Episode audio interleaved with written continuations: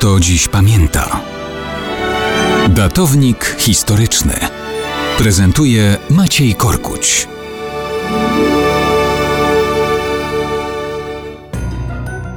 Wczoraj czytaliśmy, co kanonik Długosz pisał o koronacji Władysława Jagiełły na króla Polski. A mało kto dziś pamięta, że sama koronacja była tylko początkiem wielodniowego świętowania. Otóż 5 marca 1386 roku, czyli jak pisał Długosz, cytuję, nazajutrz po koronacji Władysław II, król Polski, według dawnego zwyczaju przybrany w szaty królewskie, objechawszy po mieście Krakowie i jego rynku, zasiadł w majestacie podle Wietnicy. Tutaj dodajmy, że Wietnica to było miejsce, w którym odbywały się oficjalne wiece, czyli zgromadzenia publiczne. I dalej długoż. Na obszernym miejscu ku temu urządzonym i od burmistrza, rajców miejskich i całego miasta przysięgę wierności odbierał.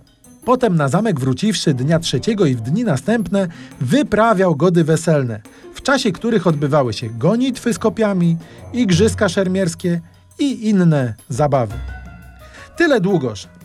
Ale imprezowanie w nieskończoność trwać nie mogło, bo krzyżacy, wzgardziwszy zaproszeniami do udziału w ceremonii chrztu, zaślubin i koronacji, Jagiełły z okazji chcieli skorzystać i właśnie Litwę zaatakowali.